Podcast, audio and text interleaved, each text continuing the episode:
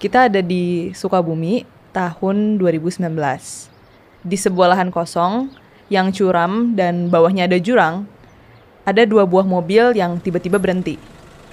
Seorang laki-laki muda namanya Kelvin turun dari mobil pertama. Terus dia ngeliat ke arah mobil yang satu lagi tuh, yang dikendarai sama ibunya sendiri, namanya Aulia. Dari luar, Kelvin bisa ngeliat Aulia nganggukin kepalanya dan Calvin ngambil beberapa botol berisi bensin dari dalam mobil dia. Dia siram tuh mobilnya sendiri pakai bensin dan setelah itu dia ngeluarin korek api kayu yang kotakan gitu kan. Dan gak lama kemudian Calvin membakar mobilnya sendiri. Hah? Kenapa dia bakar mobilnya sendiri?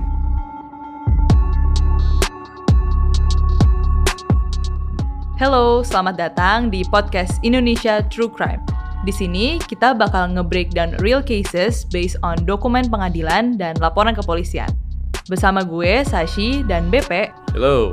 kita bakal nganterin kalian ke cerita-cerita kejahatan di sekitar kita.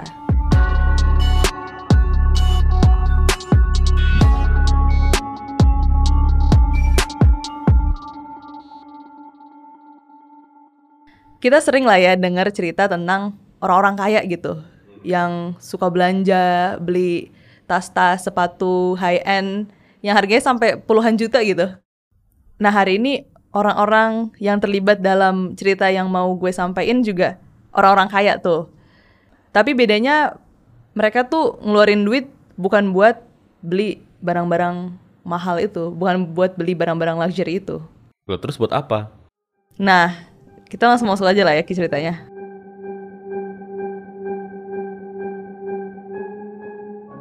Kita ada di Lebak Bulus, Jakarta Selatan, tahun 2019.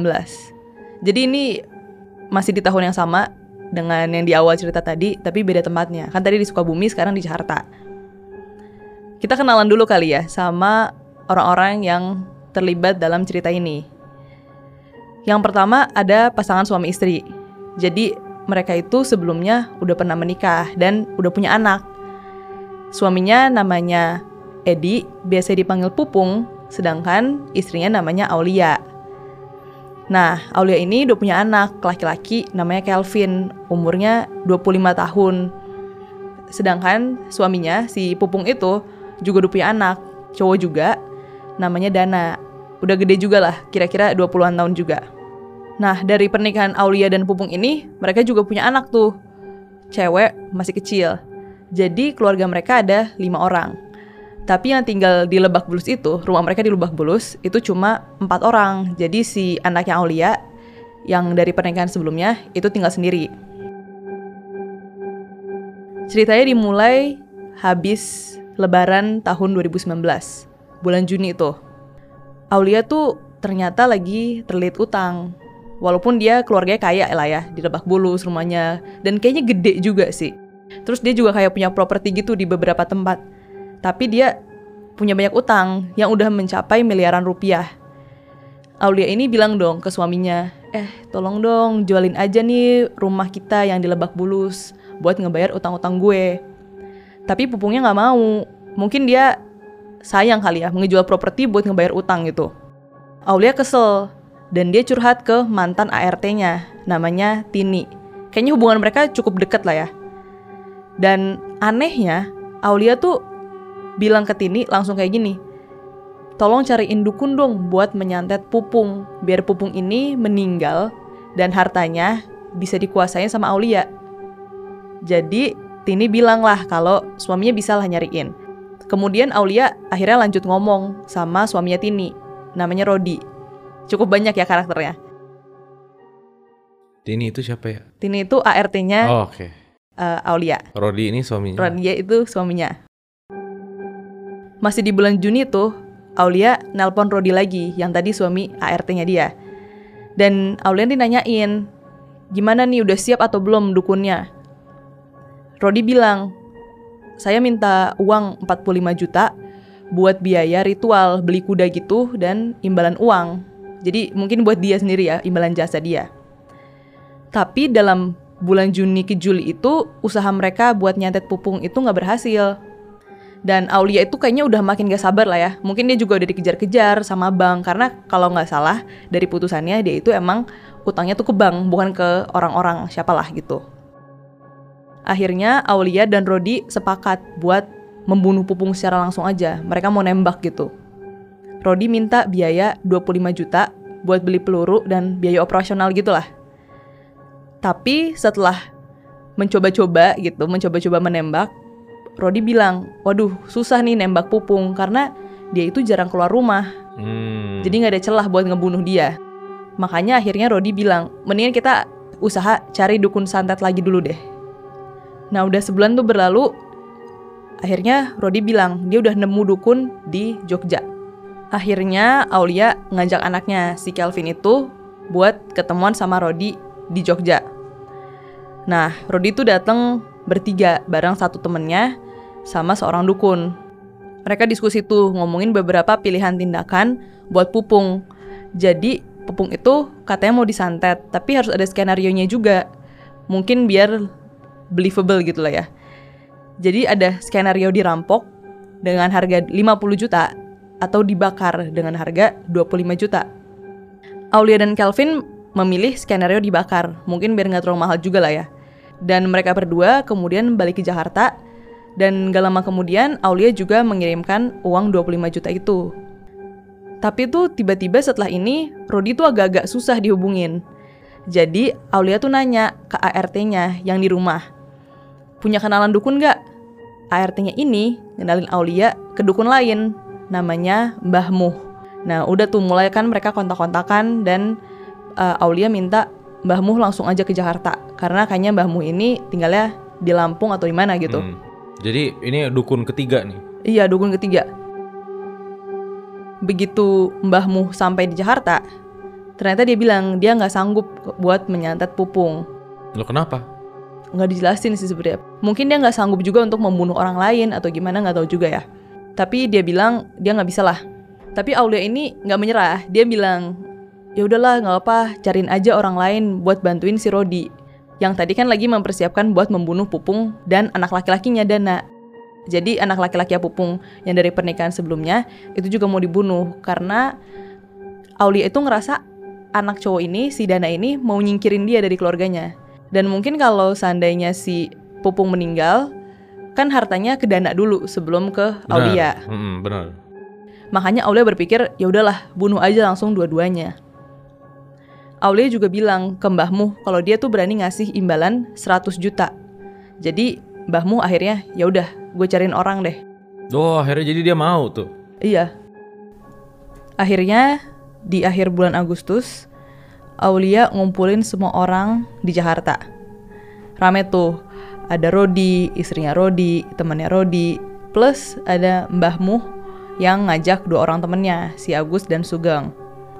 Rencananya mereka mau melumpuhkan Pupung dan anaknya, si Dana itu, dengan memberikan obat tidur sampai mereka ketiduran, terus nanti dibekap menggunakan handuk yang dibasahi alkohol. Baru setelahnya mereka dibakar bersama dengan rumah di Lebak Bulus itu. Jadi dia intinya mau ngebakar rumah. Dan di dalam rumahnya ada si Dana dan Pupung, Pupung. yang sudah dibekap dan dibasahi oleh alkohol. Ya. Akhirnya pada suatu hari di bulan Agustus itu rencana pembunuhan Pupung dan Dana dilancarkan. Siang-siang, Aulia ketemuan sama semua anggota timnya itulah ya di salah satu kamar di apartemen Kalibata City. Di situ ada Kelvin juga yang nyusul di tengah-tengah karena dia bilang sih kalau dari putusannya dia itu merasa terusir di rumahnya. Jadi dia tuh emang tinggalnya di Kalibata City. Sekitar jam setengah tujuh malam, Aulia dan rombongannya ini berangkat ke rumah Lebak Bulus itu. Di perjalanan banyak komplikasi gitu lah ya. Dan akhirnya yang ikut ke Lebak Bulus itu cuma Aulia, Kelvin, Agus, dan Sugeng. Sampai di rumah, Sugeng dan Agus dibantuin masuk ke lantai dua sama Kelvin. Sedangkan Aulia menyiapkan dua gelas jus buah yang udah dicampur obat tidur buat dikasih ke Pupung dan Dana. Wow, ini organized banget ya. Emang udah direncanain banget sih kayaknya ya. Nah, salah satu gelasnya itu langsung dikasih ke Pupung yang kebetulan emang ada di rumah. Gue juga nggak ngerti kenapa Pupung bisa-bisanya nggak menyadari ada Sugeng dan Agus gitu datang bersama istrinya. Tapi setelah minum jus itu sampai habis, Pupung tuh nggak tidur-tidur. Akhirnya Aulia mikir, mendingan gue berhubungan badan aja sama Pupung dengan harapan Pupungnya capek terus ketiduran. Tapi setelah itu Pupung tetap gak tidur. Tapi gak lama kemudian akhirnya si Pupung ini muntah-muntah sampai akhirnya ketiduran di lantai kamarnya. Aulia keluar tuh dari kamar dan dia ngeliat Dana baru sampai di rumah. Si Dana tuh minum jusnya cuma dikit. Jadi habis itu Aulia langsung ngeluarin backup plan-nya dia. Dia mengambil dua gelas, satu warna hijau, satu warna putih. Dua-duanya diisi minuman beralkohol gitu. Terus gelas yang hijau itu dicampur sama obat tidur. Dia juga bilang ke ART-nya, ini buat Dana dan Kelvin. Tapi Dana dikasih gelas yang hijau ya. Abis itu Aulia nelpon Kelvin dan bilang kalau Pupung udah tidur nih. Lo ajakin Dana minum-minum ya sampai dia mabok gitu. Dan akhirnya si Kelvin datengin kamarnya Dana di lantai 2 dan ngajak Dana minum sampai mabok. Sekitar jam setengah 12 malam, Aulia balik lagi tuh ke kamarnya dan Pupung. Kondisinya kan Pupung tidur ya di lantai. Tapi Aulia ini kayaknya pengen memastikan kalau Pupung itu udah meninggal sebelum rumahnya dibakar. Jadi Aulia masuk ke kamarnya barengan sama Sugeng dan Agus, terus mereka langsung mengeroyok Pupung sampai Pupungnya ini meninggal. Dan mereka tuh nggak pakai senjata apa-apa, jadi bener-bener digebukin, Pukulin. dipukulin, literally dikeroyok banget ini. Terus abis Pupungnya meninggal, Aulia, Sugeng, dan Agus mengikat tangan dan kaki Pupung pakai tali. Terus akhirnya mereka naik lantai dua buat beristirahat katanya. Besok paginya pas subuh-subuh gitu, Aulia menghubungi Kelvin. Gimana si Dana? Tapi Kelvin bilang Dana tuh masih belum tidur. Gue juga nggak tahu kenapa si Dana ini bisa-bisanya belum tidur lah ya. Maksudnya kan ini udah cukup lama dari malam-malam sampai subuh gitu. Tapi Aulia tuh udah nggak sabar. Jadi Aulia, Sugeng, dan Agus masuk ke kamarnya Dana. Terus mereka juga langsung ngeroyok Dana sampai meninggal dunia.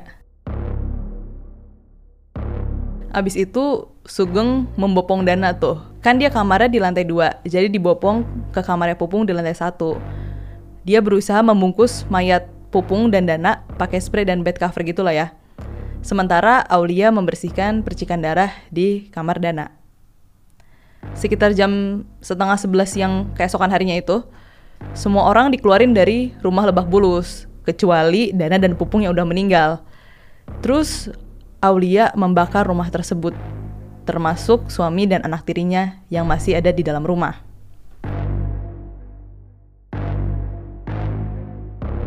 Tapi ceritanya belum selesai sampai situ. Sekitar jam 7 malam itu, Aulia tuh posisinya lagi di apartemen Kalibata City itu kan. Terus dia ditelepon sama tetangganya. Eh, mbak, rumahnya kebakaran nih. Nah, Aulia, dia udah tahu kan rumahnya kebakaran, tapi dia tetap datang tuh. Dan dia menemukan kalau ternyata mayat Pupung dan Dana itu nggak ikut terbakar. Akhirnya Aulia cabut dari situ dan keesokan harinya dia balik lagi ke Lebak Bulus itu, rumah di Lebak Bulus itu. Sekitar jam setengah enam pagi gitu lah ya. Aulia itu datang barengan sama Kelvin, tapi mereka naik mobil yang berbeda, jadi iring-iringan kali ya. Dan begitu sampai di rumah itu, Aulia dan Kelvin menggotong dan memasukkan mayat Pupung dan Dana ke dalam mobil Kelvin. Terus mereka pergi ke daerah Sukabumi. Nah, barulah kita balik ke scene yang di awal tadi. Saat Kelvin membakar mobilnya sendiri. Jadi Oh. jadi dia itu ngebakar mobil untuk membakar mayat ayah tiri dan saudara tirinya. Kayaknya juga sengaja dicari lokasi-lokasi Sukabumi yang lahan kosong curam gitu biar kayak kecelakaan atau biar susah aja kali ya ditemuin. Mhm, mhm. Kok bisa ketahuan akhirnya? Nah ini namanya kebetulan kali ya. Jadi pas si Kelvin itu pakai korek api kan tuh, dia membakar mobilnya. Pas dilempar itu, Kelvinnya juga ikut terbakar pada sebagian tubuhnya. Jadi mereka buru-buru tuh abis mobilnya dibakar, mereka buru-buru naik mobil ke Jakarta dan diobatin dong. Tapi kan ada bekas luka bakar ya. Jadi polisi tuh langsung curiga, kok ada bekas luka bakar di anak ini. Dan kebetulan rumahnya kebakar dan Jasadnya dibakar jasadnya juga. dibakar. Iya, makanya akhirnya polisi berhasil menemukan Kelvin dan Aulia di rumah sakit itu juga. Jadi kayaknya emang Langsung tuh. langsung cepet juga sih ini kayaknya. Nah, akhirnya Aulia dan Kelvin keduanya dijatuhkan hukuman mati. Mereka udah mencoba kasasi, naik banding segala macam, tapi tetap dijatuhkan hukuman mati. Semua yang terlibat dalam kasus pembunuhan ini juga dicari dan disidang sama pihak yang berwenang. Tapi beberapa masih ada juga sih yang DPO, karena emang banyak banget yang terlibat. Dan sidangnya kayaknya emang cukup rumit dan panjang banget. Terus penuh drama juga kayaknya. Karena kalau dari beberapa artikel gitu di media online, ada yang bilang kalau Kelvin itu sebenarnya bukan anak kandungnya Aulia, tapi keponakannya. Ada juga yang bilang kalau Dana itu ikut dibunuh karena Kelvin ada dendam sama dia, karena dia merasa posisi dia di rumah itu jadi tersingkirkan karena ada Dana.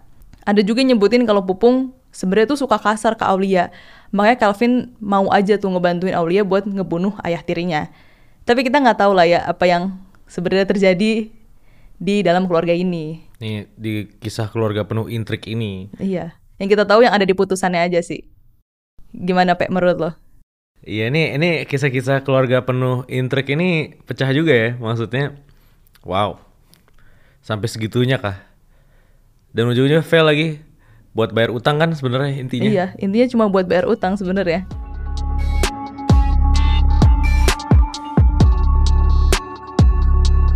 Gimana nih buat kalian yang dengerin?